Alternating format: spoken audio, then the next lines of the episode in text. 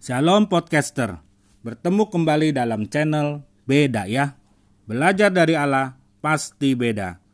Hari ini kita akan belajar firman Tuhan yang terambil dari Yohanes 14 ayat 6. Yesuslah jalan. Kata Yesus kepadanya, Akulah jalan dan kebenaran dan hidup. Tidak ada seorang pun yang datang kepada Bapa kalau tidak melalui aku. Yesus adalah jalan, jalan yang lurus, jalan yang benar.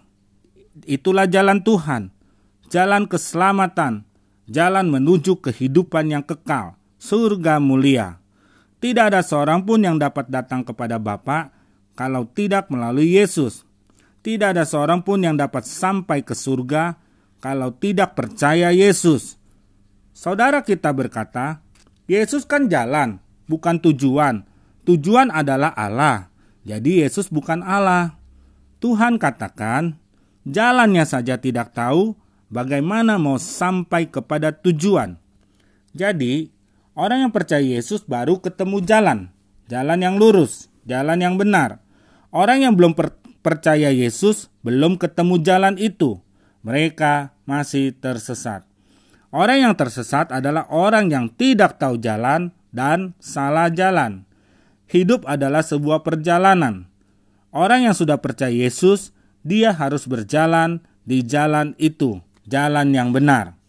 Yang pertama, jangan berbelok, jangan menyimpang ke kanan atau ke kiri. Yang kedua, jangan berhenti di tengah perjalanan.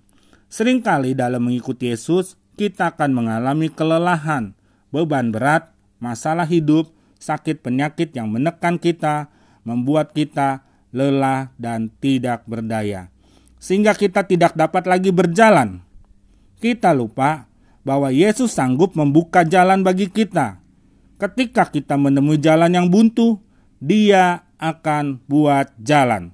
Dia akan memberikan jalan keluar, solusi masalah kehidupan kita.